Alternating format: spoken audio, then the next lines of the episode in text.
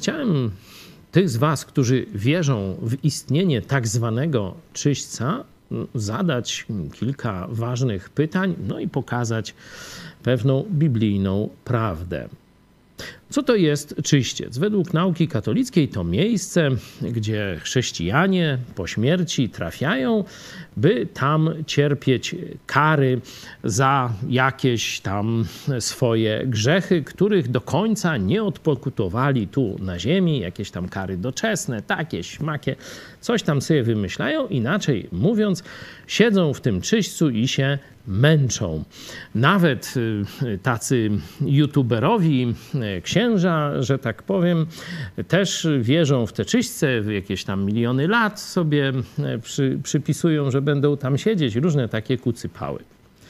Ja chciałem was zapytać, kto będzie męczył dusze siedzące w czyśćcu? Kto decyduje o tym, żeby ta dusza z tego rzekomego czyśćca przeszła już wreszcie do nieba? Na oba te pytania. Wedle mojej wiedzy odpowiedź jest jedna: Bóg. No a teraz list do Rzymian, ósmy rozdział, 31 werset i następne. Cóż tedy na to powiemy, jeśli Bóg za nami, któż przeciwko nam?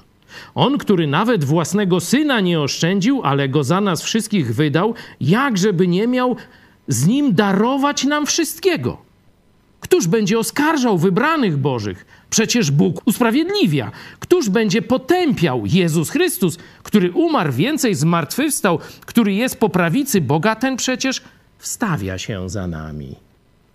Nie ma szans. To jest jakieś kłamstwo z tym czyśćcem. A jeszcze pomyśl dalej. Jeśli to Bóg wypuszcza z tego czyśćca, a mówimy, że Kościół ma jakiś zasób i może tam przesłać jakieś swoje uczynki i wtedy Bóg wypuści, czyli zobaczcie, Kościół jest bardziej miłosierny i wszechmocny niż Bóg, bo Bóg nie może, a Kościół może.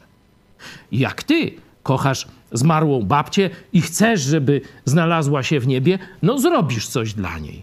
A Bóg by nie zrobił? To jest bałwochwalstwo najwyższego kalibru i bluźnierstwo przeciwko prawdzie o Bogu.